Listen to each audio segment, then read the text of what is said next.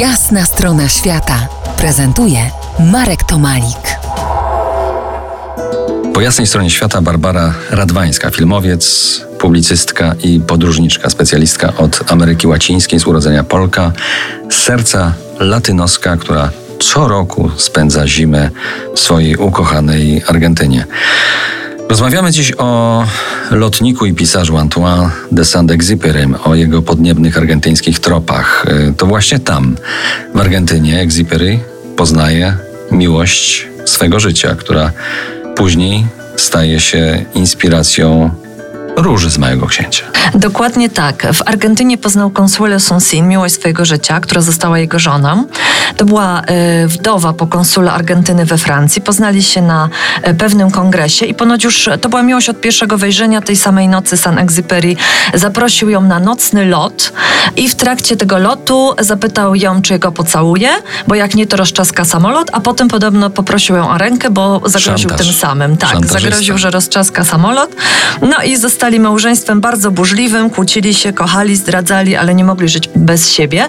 I po 20 latach od jej śmierci odnalezione zostały jej pamiętniki, które wzbudziły w ogóle sensację we Francji. Zostały wydane pod tytułem Pamiętnik Róży, gdzie właśnie Consuelo sugeruje, że to ona była różą z Małego Księcia. Basiu, tropiłaś y, ślady Małego Księcia tam w Argentynie. Opowiedz nam o tym. Saint-Exupéry spędził 16 miesięcy w Argentynie, także to nie jest e, dużo. Potem już nigdy do Argentyny nie wrócił. Natomiast tam poznał różę, czyli właśnie miłość swojego życia Consuelo Sunsin.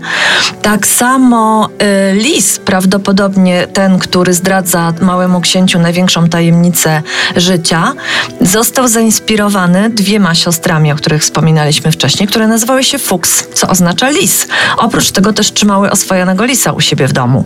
Proszę cię, narysuj mi baranka.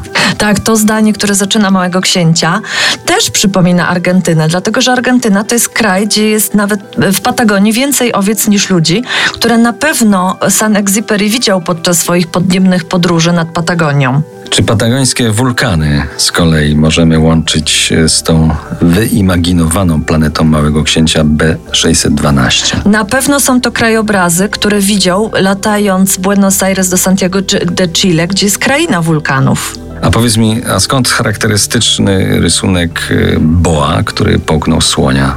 To też jest e, pejzaż z Argentyny, dlatego że latając z Buenos Aires do Patagonii na południe na pewno widział po drodze półwysep Valdes, słynny z wielorybów i delfinów, gdzie jest wyspa ptaków, która wygląda identycznie, jak sobie zobaczysz, jak właśnie słynny rysunek boa, który połknął słonia. A latarnik? A latarnik, e, miasto La Plata w Argentynie, to było pierwsze miasto, gdzie zapalono latarnie. Do kolejnych śladów w argentyńskiej Patagonii wrócimy za kilkanaście minut. Zostańcie z nami po jasnej stronie świata.